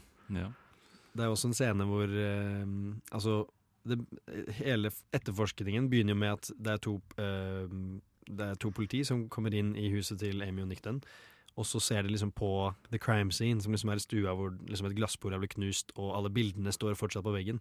Men Mm. senere i filmen så sparker en av politidamen ned i gulvet, og disse bildene faller, og liksom, det er veldig sånn rar framing. Mm. Eh, og dette har jo til og med Amy Dunn tenkt på, for at liksom det skal se ut som et veldig sånn suspicious eh, eh, åsted. da. Ja. Så det er litt spennende. Hun, liksom, hun fabrikkerer absolutt alt. Så det er, eh, det er gøy å se hun være så utspekulert. Det syns jeg. Men jeg tenker at hvis vi, hvis vi tar et steg tilbake og ser på liksom David Finchers sin rolle i dette her Mm. eh, liksom, hvis Nå går jeg liksom veldig med her, da, men i løpet av hele hans filmografi som dere har sett, da, liksom, hvor, er dette en velregissert film for han? Er det, liksom, er det dette dere ser for dere fra han David Fincher må håpe på at dere får? Det vil jeg si. Ja, jeg vil også si det samme. At han er, her får han alle på samme på en måte side av saken, og så ser han, og så åpner han dørene til de forskjellige synspunktene du skal ha. Jeg føler i hvert fall jeg var Jeg gikk fem på. Jeg gikk rett på det han prøvde å si. Mm. Og det er en sånn, ve- veldig, sånn, eh, veldig godt satt sammen film, da. Og det er jo kanskje noe man trenger når man har eh, krimfilmer spesielt, da. Mm. eh, som man er så glad i at du må sette det opp riktig, og payoffen skal være der den er, og alt, da. Mm. Og det, det, han treffer jo blink på denne filmen også. Ja. Eh, litt for godt for min smak, men eh, det er en litt sånn fun fact. Da. Det, dette er jo helt sånn eh, noe annet, da. Men han ene politimannen som, som ser sånn, Han ser ut som en guttunge i fjeset, en av politimennene. Som er veld, han er veldig sånn suspicious til uh, Nick Dunn. Det er han eh, første offeret i Mm. Zodiac. Han som er i bilen. Er det. Ja, Som blir skutt. Det stemmer. Jeg ser du har sånn lurt smil på deg. Har Hadde du tenkt å si det du òg, eller? ja, det er litt det. Det er helt sant. Ja. Nei, men uh, igjen da, David Fincher er veldig glad i å gjenbruke sine, sine karakterer. Mm. Uh, og, og medsamarbeide også. Uh, jeg tror også Atticus Ross og han um, Trent Reznor er også med på soundtracket her, mener jeg å huske. Mm. Eh, og til, kanskje til og med kameramann eh, Jeff Cronenwet Mm. eh, som har et veldig vanskelig navn. Som for øvrig er sønnen til Jordan Cronenvett, som filmet den originale Blade Runner. Mm. Um, nei. Men igjen, da. Uh, Gone Girl. Veldig, veldig veldig god film. Uh, Så, så du at du hadde en historie til den her? Uh. Ja. Oi. Eh, jeg så den her første gangen når, jeg, når den først kom ut, det var i 2014. Mm. Ja, så da var jeg 14 år. Den, eh, så var jeg syk en periode, og da uh, hadde jeg spysyke. Så da skulle jo mamma kjøpe inn snacks og pizza og alt sånt, og så skulle vi se en film. Og så tenkte jeg Gone Girl, den er jo dritbra. så vi setter oss ned og ser den, og uh, rett før da det brutale drapet, så tenkte jeg sånn Jeg vet ikke hva, nå har jeg spist en hel pizza og masse godteri, nå og jeg er heller ikke glad i blodscener generelt. Så jeg tenkte sånn, nei, det her kan jeg ikke se. Så jeg går opp i stua, og så tenkte jeg sånn, ok, jeg går ned når den er ferdig. Så står jeg bare og hører på lyden. Og med en gang da Neil Patrick Harris blir eh, ja, slakta i den senga, så gaper jeg opp kjeften og spyr utover hele stuegulvet. Nei! Så eh, ja. Uh, med en gang jeg tenker på Gone Girl, så tenker jeg på uh, det teppet som uh, måtte renses. Ja. Ja. Jeg tror faktisk det er verre å høre på bare lydene. enn å Ja, det ble faktisk ti ganger verre, tror jeg. Ja, på at, eh, det er faktisk noe jeg tenkte på når jeg så tilbake til Girls with Drank Tattoo. Da, at Dave Fincher samarbeider med noen veldig gode lyddesignere, i hvert fall. Mm. Uh, bare for å gå tilbake til Girl with Drank Tattoo, da, for eksempelet mitt er at når han fyren Når hun har Eller han saksbehandleren blir eh, bundet ned og får den der uh, metalldildoen Mm. bare sparket opp i kanakasen, eller hva man skal kalle det. Lydeffektene der er uh, Ja. De, de sparer ikke på lydeffekter, Nei, i hvert fall. det hørtes ut som noe som ble stabbet, i hvert fall, for For å si det- mildt. Det glemte, vi glemte litt å si det i stad, men hun står jo faktisk og sparker denne dildoen opp Ja, ja. i rumpa. Hardt. Mm. Det, Det sånn, høres ut som kniv. Og det det er noen indre blødninger som eh, Ja. kommer fram der, tror jeg. Så jeg tror David Fincher er veldig glad i sånn korte og brutale, eller sånn effektive Ja. scener. Da. Igjen da, tilbake til eh, Eller tilbake, tilbake til Gone Girl. Mm. Eh, så denne blodscenen, da, det, det er kanskje eneste sånn voldelige scenen i filmen, er det ikke det? Ja, det er, altså, det er noen sånne smågreier hvor, eh, hvor Nick Dunn eh, da slår Amy Dunn inn i en vegg, eller sånn type ting. Men eh, med tanke på brut altså, brutaliteten vi er vant med med Fincher, så er nok det den eneste, ja. Ja. Men det er også sånn den scenen hvor hun gjør seg klar til liksom å drepe han og, og til å Altså, hun framer jo seg selv til å se ut som at hun blir voldtatt og sånn nå. Mm. Ved at hun Ja, det er masse virkemidler hun bruker der med å ta liksom hun, Jeg tror hun tar noe vin på øh, nattkjolen sin og litt sånne Mm, ting. mm. Altså, den scenen der syns jeg er så Det er veldig sånn David Fincher, føler jeg. Det er liksom David Fincher sin stil sånn i et nøtteskall. At det er så, det er så Altså, også David Fincher. Jeg tror han kan se seg litt igjen i den der utspekulative Altså, Ja. er så, Hun er så perfeksjonist i disse scenene. Han liker veldig godt sånn der, eh, å være utspekulert. Liksom, når folk forbereder seg litt sånn rituale Mm. for ting. da Mm. Og det jo, kan jeg jo dra tilbake til The Killer, da, hvor det ifølge det jeg har hørt fra filmen, at den tar, mye, mye av filmen er at han forbereder seg på drapene. Liksom? Det er en prosess. Det er, så, så det er jo sånn interessant ting å oppdage med Mm. Fincher. Ja, det Det-. Mm. Nei, men uh, da tenker jeg egentlig at vi kan uh, hoppe videre fra Gone Girl. Uh, ja, da er det ikke så mange andre steder å plassere den på listen, da. Det er ikke det. Nei. Hvor er det hos deg, Arthur? Nei, han må jo ta den på én, da. Boom! Ja. Veldig bra. Den spyr opp på igjen.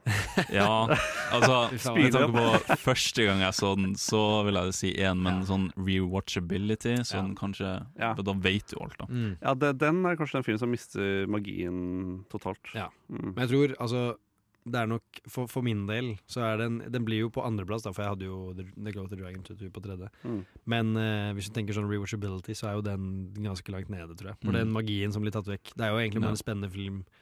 Den, er, altså, den drar seg veldig langt ut til å begynne med, og så er den kanskje ikke så spennende, for det er bare sånn hun blir kidnappet, og han ikke vet hva som skjer og sånn. Men Ja. når du finner ut at hun faktisk lever, og at hun bare har tenkt ut alt som har skjedd, Mm. da blir den blir spennende. Og The Girl with the Dragon Tattoo har jeg ikke lyst til å se igjen, for den er jo så brutal. Og, Ja. Ja. Ja, jeg skal i hvert fall hoppe over noen scener i den filmen der. Ja. Men Zodiac derimot, rewatchable as Mm. fuck. Så der har vi det. Uh, Hva med deg? Du har ikke rangert den? Ja, det blir jo andreplass, da. Ja. Uh, jeg satte Girl with Drag Dragon Tattoo på nummer tre, så Mm. da blir det nummer to. Men det er, det er veldig jevnt mellom de to, altså. Du hører på Nova Noir, filmprogrammet på Radio Nova. Spoilere kan forekomme.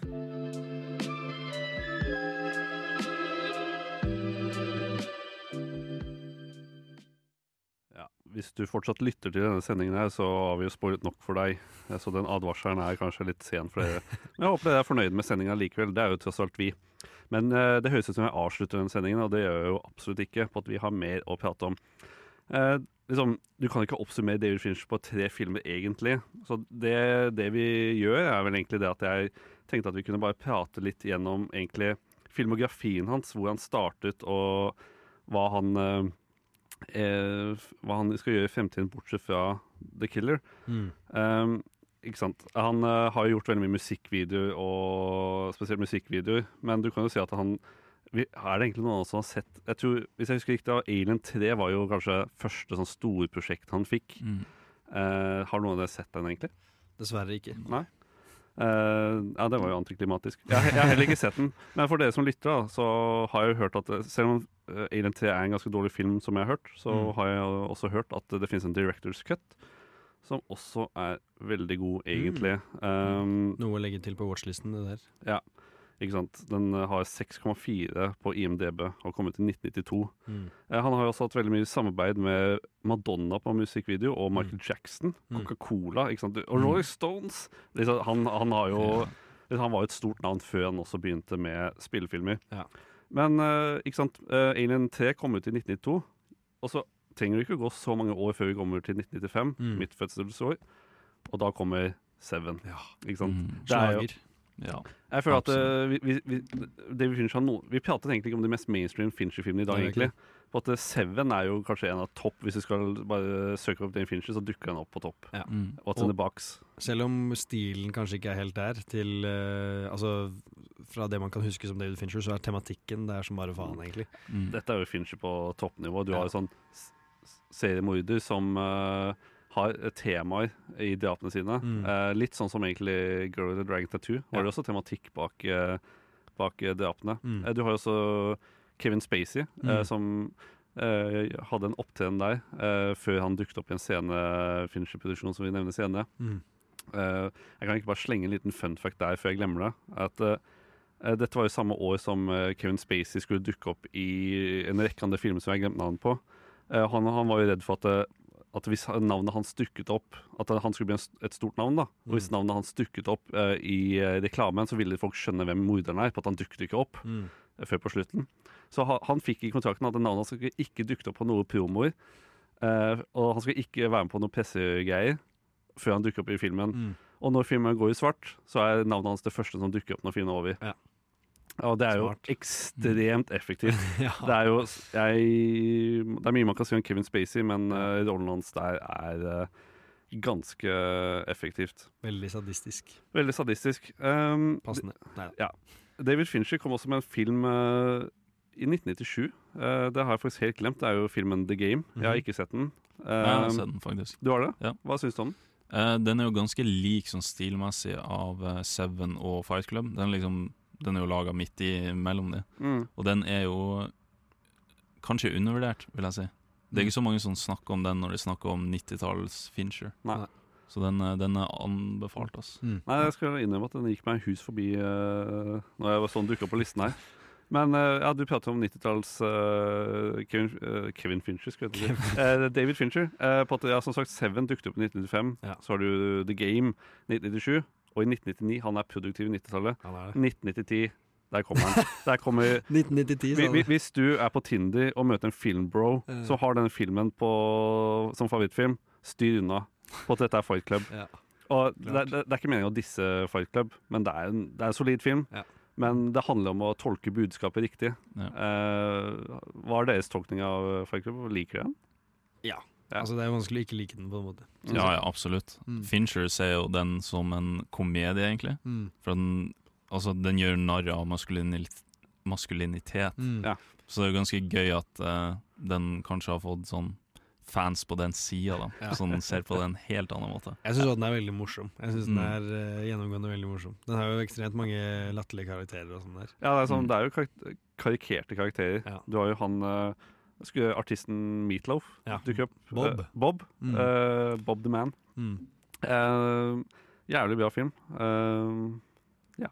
Og veldig sånn jeg, det den, Altså Min favorittscene tror jeg den er den hvor han går gjennom eh, Det er jo veldig Den har veldig mange gode montages, og en av de er jo Mm. den hvor han bare eh, liksom dekorerer leiligheten sin fra et sånt magasin. ja. Utrolig bra scene. Og det er bare sånn Den er sikkert veldig sånn det må ha vært helt jævlig å filme, tror jeg, med, med tanke på at David Fincher er så perfeksjonist som han er. Kanskje han ikke var det på den tiden, da, med tanke på at han ikke var så ja. etablert. Men han hadde jo lagd Seven, som var en veldig eh, bra, bra film. Og den ble jo veldig tatt godt imot. Mm. Så det kan jo hende han eh, var litt jævlig å holde, drive på med det òg. Mm. Og vi pratet jo om uh, rewatchability på filmer tidligere, og dette er jo kanskje en av de som har veldig mye rewatchability. Mm. Eh, med tanke på at uh, det, det er jo en stor twist i denne filmen her. Mm. Eh, at Brad Pitt ikke er ekte. uh, Men den er veldig gjennomgående bra, selv om det er liksom et klimaks er en veldig stor plot twist. Så tror jeg den, eh, den holder seg veldig godt. den gjør det. Mm. Og det er jo Nei. jeg- Samme med Seven òg. Den nå har jo en gigantisk plot twist. Mm. Eller ikke, ja, kanskje ikke like stor, da, men uh, den er jo veldig plot, plot, twist i den òg. Ja, ja. Mm. Det var jo altså start liksom, Dette her var jo 1999, og da Mm. var, det, da var det ikke så mye memes om Å, han eksisterte ikke i det hele tatt. Mm. Og mye sånn Den var ganske original i sin tid, da, hvis jeg Mm. eh, ser, ser det riktig. Men vi går fra 1999 så går vi over til 2002. Enda en film jeg ikke har sett. Og det er jo Panic Room. Ja. Den har, jeg Panic hørt, Room, den, den har jeg hørt er jævlig bra. Oi. Eh, men uh, dessverre ikke sett den. Har noen av dere sett den? Ja, Nei. det er det. ja. Legende!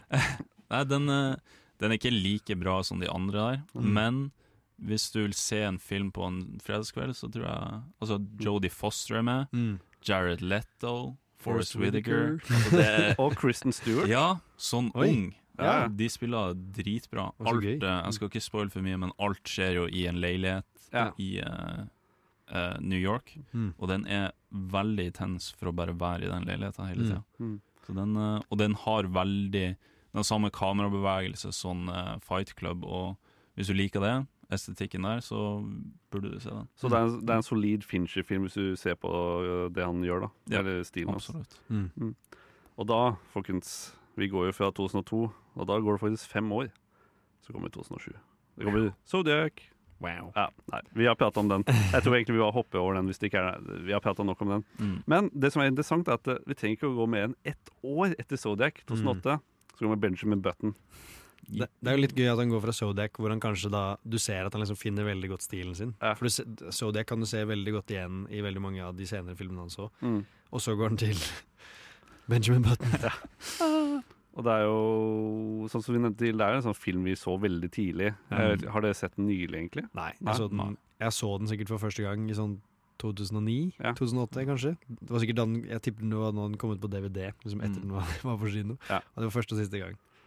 Nei, men uh, det, er, det er en solid film. Men det er liksom Når du tenker Fincher, så er This Ain't It Chief. Mm. Um, Men nå er jo skikkelig Altså, det er kanskje et virkemiddel vi ikke har nevnt så mye eh, i dag, men bare det at uh, han stacker filmene sine med så sjukt dyktige skuespillere. Mm. Så når jeg ser Tilda Swinton er liksom mer og Kate Blanchett Jeg hadde heller glemt at Kate Blanchett var med i Mm. Benjamin Button, men hun er jo Altså hun er kanskje min favorittskuespillerinne. Og hun er Ja, med hun har så presence. Mm -hmm. Og med Tilda Swinton i tillegg, som har gigapresence. Ja. Ah, og Maharshala Mahershala Ali i tillegg. Oh. Det visste jeg ikke engang. Ok, Jeg må egentlig se den på nytt. ja. Dette er jo ve veldig god kombo.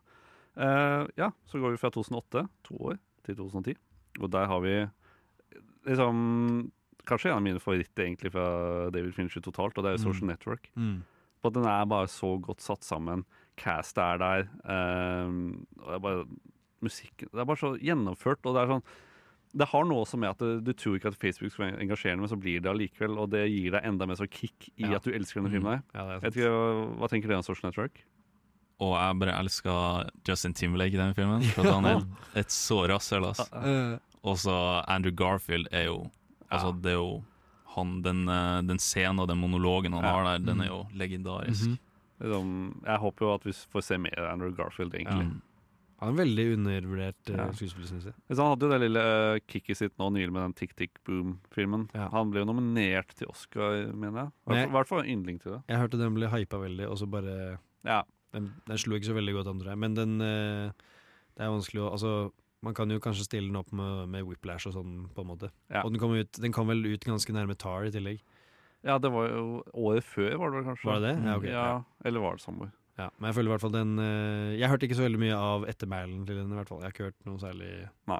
Men ja, kanskje den fikk noen nominasjoner. Kanskje litt sånn Oscar-bait. Ja, uh, det, det er vel egentlig det jeg føler om Tar, men det er ikke Mm. en diskusjon vi tar nå. Eh, et år etter, liksom, Han er veldig produktiv på at det er noen ganger han kommer med en film back to back, eller år etter år. da Og året etter Social Network så kommer så klart Girl with a Dragon Tattoo. Det var 2011, ikke 2009, som vi tidligere sa.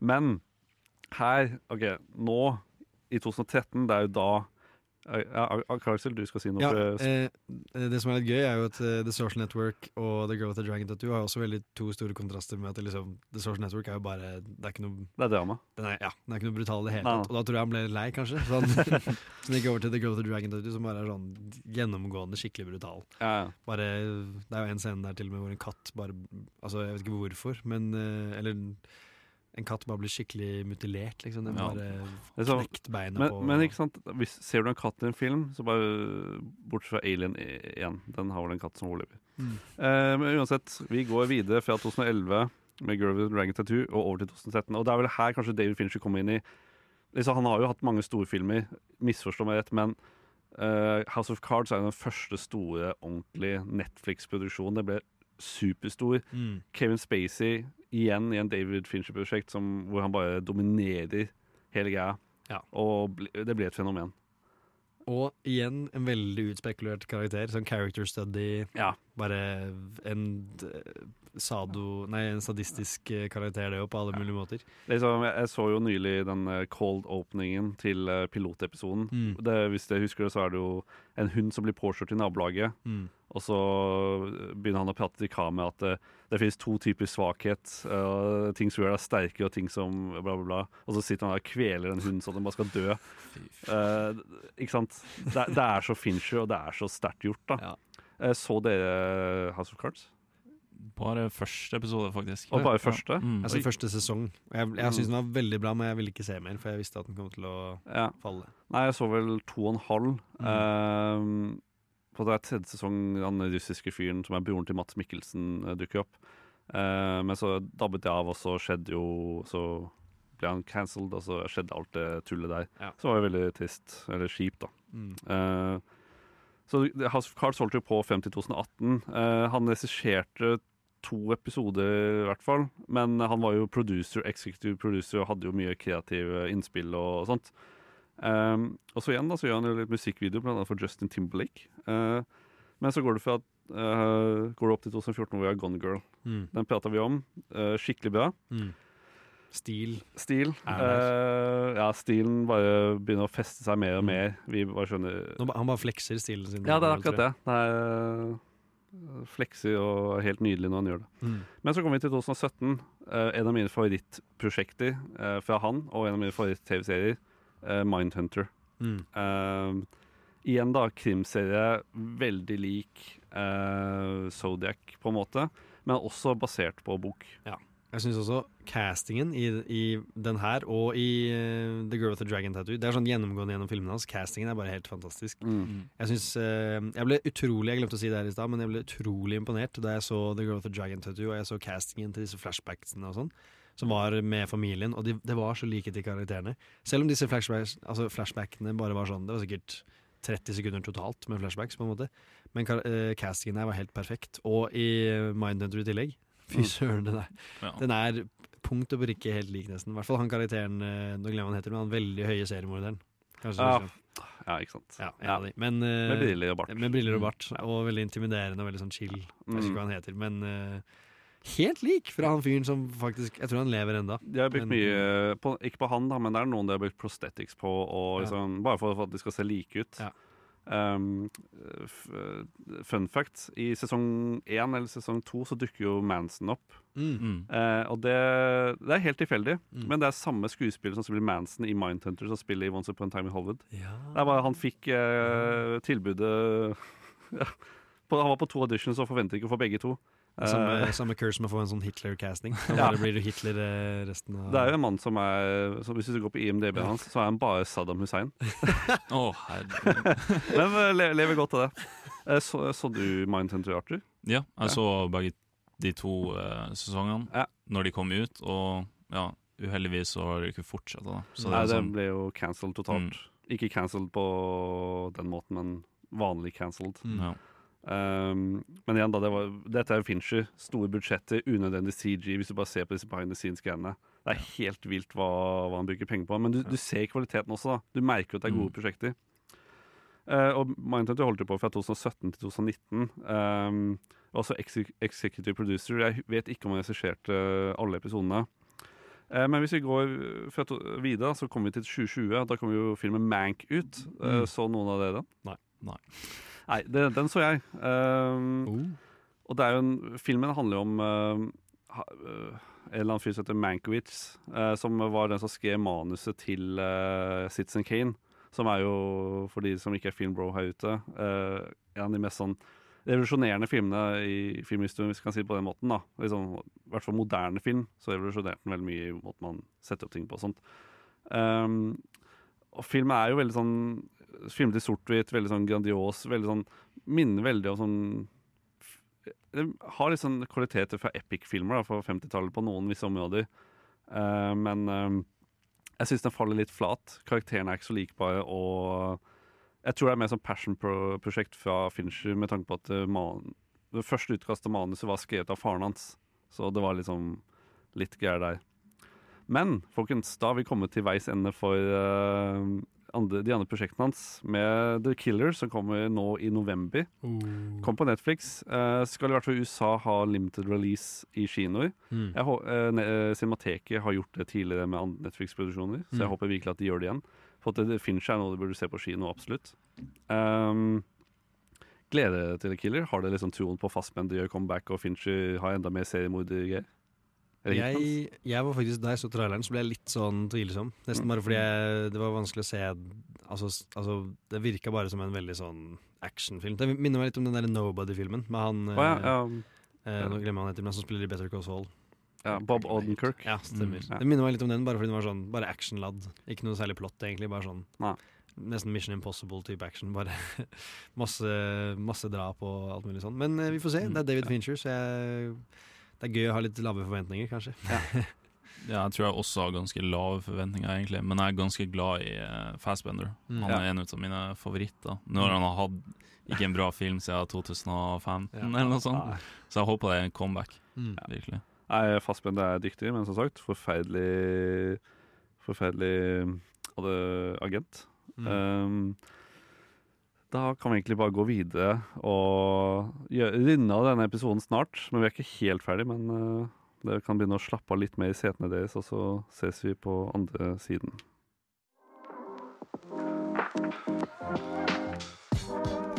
Nova Noir. Film på radio. Hver torsdag 10 til 12, eller i din podkast-app når som helst.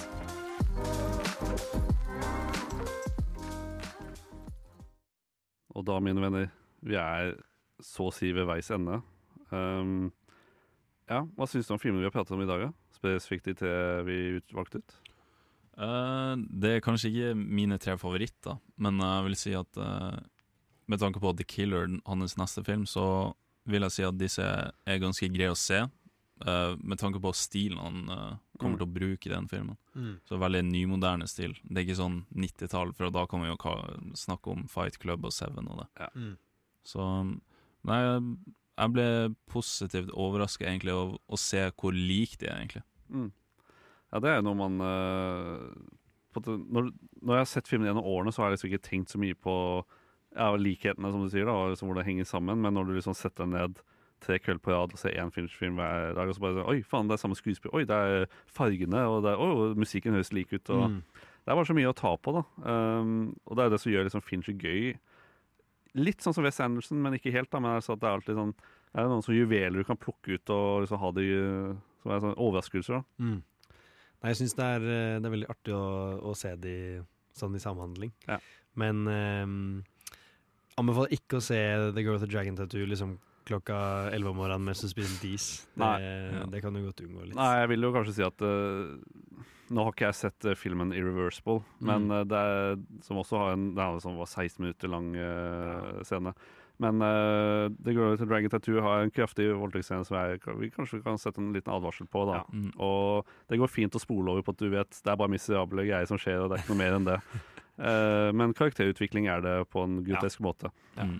Um, Det er jo kanskje det som er liksom mest likhetstrekk, likhetstrekk av disse filmene, på en måte. For du ser jo Altså Jeg tror David Fincher generelt er veldig glad i å bare utvikle karakterene sine til, til det maksimale. Ja. Så det jo kanskje med, med Zodiac så er det jo en reell karakter, så det er jo Ja. selvfølgelig visse Visse Han må jo ta visse altså ting til tanke, på en måte. Men eh, når han kan eh, ha litt mer frie tøyler, så er han glad i å bare dra de ut. Mm. Vet, altså, nå har jeg jo selvfølgelig ikke lest Stig Larsson-bøkene eller Gone Girl-boka, så jeg vet ikke hvordan eh, det spiller seg ut der, men jeg tror de er ganske gærne, de òg. Ja. Men det er jo veldig Altså, jeg tror de er liksom skapt litt for, for David Fincher. De, de mener at han plukker de opp, på en måte. Mm. For han er glad i disse syke, syke, syke, syke karakterene. Ja. Det er han. Og det er jo det, han klarer jo å fremstille dem på en sånn måte som bare er enda mer fascinerende enn de kanskje ville vært hvis du hadde hatt en del sånn A4-regissør. Mm. Han klarer liksom å ja, fremstille med både musikklipp og alt. Med sånn, han bare gjør ting enda mer interessant enn det det kanskje burde være. da. Mm. Uh, jeg bare tenker på Stellan Skarsgård i Girl Dragon Tattoo. Egentlig ganske A4-person, men så kommer med den, liksom, den monologen på slutten og det blikket. Og det er sånn på en måte Fincher gjør, da. Og Jeg det er så effektivt. Jeg syns han er en veldig god casting til den filmen òg, for han har litt sånn den underliggende creepyheten til Ja, seg. På en, måte, ja. på en eh, litt slem måte å si, men eh, jeg syns han spiller veldig bra i den filmen der. Og jeg, ja, han er veldig god i den, eh, den scenen hvor han liksom er nede i det torturkammeret. Syns jeg bare er så creepy. Ja, den er helt vill. Ja, han Ja. er jo en helt vill monolog der, hvor han liksom går inn på bare hva slags Altså at mennesker heller ikke vil bli Altså De vil ikke fornærme noen andre enn de er redde Instinktet for å ikke fornærme noen enn å dø Ja. er sterkere. Som jeg syns er uh, Jeg, jeg, jeg, utrolig sant. jeg følte liksom på sånn skandinavisk nivå også, Ja. akkurat det sitatet der. var sånn, Jeg ville definitivt gått tilbake. Jeg hadde blitt med og tatt en drink, jeg òg. Ja. Jeg ville ikke vært slem. Måte, men jeg tror også han var i en situasjon, han eh, Mikael, der hvor han måtte liksom Han visste ikke helt, kanskje, om, eh, om Martin da hadde liksom funnet ut av om han var der for å Nei, det er akkurat det, da. mm, etterforske. Men ja.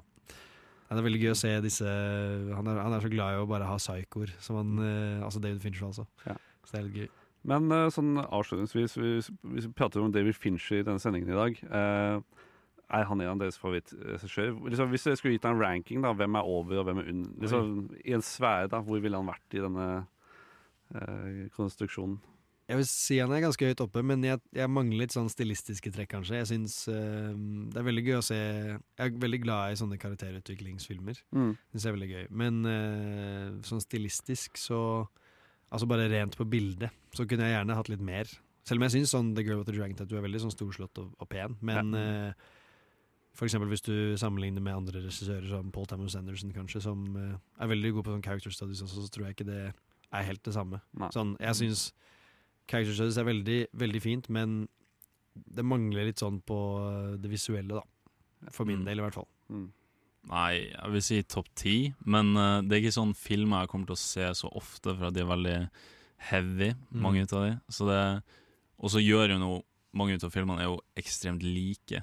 Så hvis jeg har sett Zodiac, så går jeg ikke rett på Gone Girl, liksom. Ja. For da blir det ganske back to back eh, violence. Det har vært en Men, sånn eh, mørk uke for min del, i hvert fall. Ja.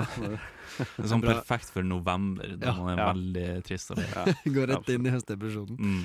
Det er perfekt. Det er bare sånn uh, høst og David Fincher, så tenkte jeg på hva jeg kaster ut av filmen um, til Denis Villeneuve, den der 'Prisoners'. Ja. Det er Mm. egentlig en sånn Fincher-aktig film. Ja. Bare Mm. kaster jeg ut der. Hvis du får, vi hadde en uh, Denis Villeneuve-sending eh, i februar tidligere i år, for de som har lyst til å sjekke den ut.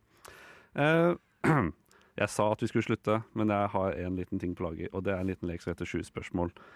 Faste lytter vet jo hva det er, men det, det er egentlig bare det at det, skal bare si meg spørsmål om en uh, skuespiller, regissør eller en eller annen, og da er det egentlig bare Er det mann? Ja, nei. Ikke sant? Ja, nei-spørsmål. Ja, så jeg har funnet ut uh, min, uh, mitt mål, og da er det bare for dere å gunne i gang. Skummelt. Okay. Og det er ikke sju spørsmål å gunne på. Vi bare gønner gunner på med spørsmål. Ja, jeg teller Eh. Er det en eh, amerikansk skuespiller? Det er det. Det er det. Så det er en skuespiller? Det er det. Ja. Okay. Uh, så det var to spørsmål, basically. Ja. okay. Ja, det var to spørsmål. Fy! Fy! Unnskyld. Ok, da er det jo Er denne personen med i MCU? Eller har vært med? Uh, nei. Nei. Vært med i DC? Ja. Oi! Ok. Det snurrer litt, men ikke veldig. Det er ganske mange som har vært med der òg. Ja, nå som de har reboota tre ganger. Er det DCU, altså Universe, det med Justice League og alt det der? Eller Eh, ja, det- det er det. Okay. Det er den, det universet. Mm, okay. Er denne skuespilleren med i en David Fincher-film? Eh, ja. Ok. Nå står jeg helt blank her. Er det helt blank, ja? Å oh, ja, Ben Affleck. Ja, det er Ja, Batman sjøl. Batman sjøl. Nei, det er not my Batman. ja, det er ikke, Jeg syns han var ganske god Batman, egentlig. Oh, ja. uh, jeg tenker jo også at det, det, det gikk såpass fort at jeg, jeg syns at vi kan gå for én til, egentlig. Skummelt. Mm. Uh, så da har jeg funnet mitt neste mål, og da er det egentlig bare å gunne på. Du tar første spørsmål, da. Ok, er dette en kvinnelig skuespiller? Uh, nei. Nei, ok. Det var to Eh, spørsmål. Ja. er det en eh, norsk skuespiller? Eh, nei. Og, og nå fant jeg en jeg skulle egentlig tatt. Sean Fausa. Nei. Ok, er det en regissør?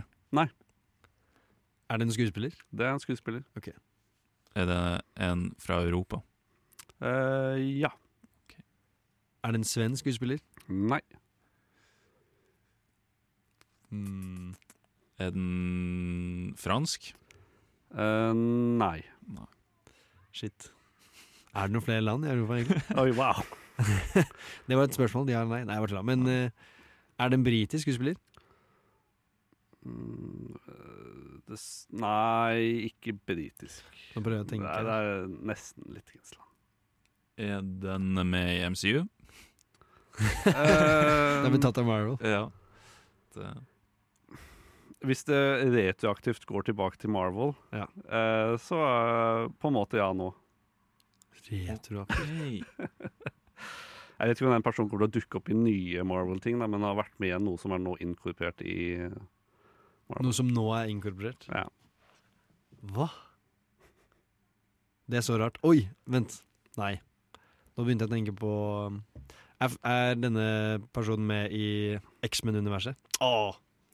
Ja, Åh! vet, vet du det? Ja, Du vet det? jeg vet det.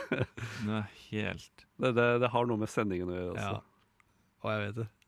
Så er det helt stille. Er denne personen fra Oi, nå må jeg ikke blinkse, da, for det Oi, er, ja. nå er det fire forskjellige land her. Uh, eller regioner, da, kanskje. Nei, men eh, Er denne personen fra Wales?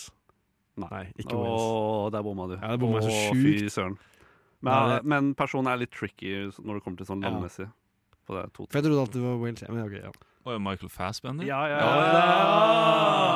ja, da ble det 1-1. Hvor er han fra? Nei, han, er, han er irsk Han er det, ja. actor, men han ble født i Tyskland. Oi! Ja, selvfølgelig. For han er jo Oh my God. Jeg trodde, han, jeg trodde liksom den nifty greia hans var at han var fra Wales. Ja. Nei, nei, nei. Hvem er det som er fra Wales? Jo, ja, apropos Wales, Welcome to Wrexham. God TV-serie.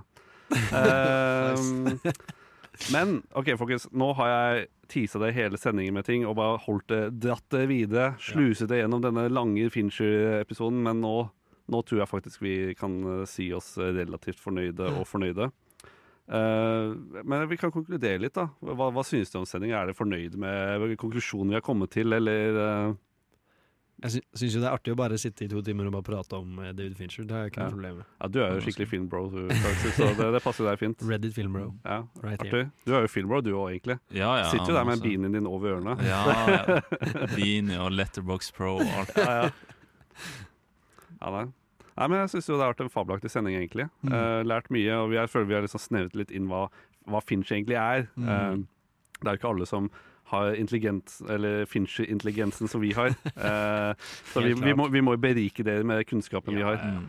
Um, men jeg syns det har vært veldig hyggelig sending. Uh, veldig takknemlig for at dere har hørt på og hører på og tipser andre om denne podkasten her. Vi må jo vokse, vi òg. Vokse sånn som eh, karrieren til folk. Uh, så da er det fint om dere tipser andre om Radio Nova, uh, og spesielt Nova Noir, da. Det er jo den beste redaksjonen uansett. Um, vi er jo tilbake Eller jeg er, vi er, tre er ikke tilbake mest sannsynlig neste torsdag, men Nov Noir i seg selv er tilbake neste torsdag 10 til 12. Eh, så dere får bare kose dere da. Det har vært en fabelaktig sending. Jeg sier ha det til deg, Arthur, og sier ha det til deg, Karl Aksel. Ha det. Ha det. Ha det. Ha det.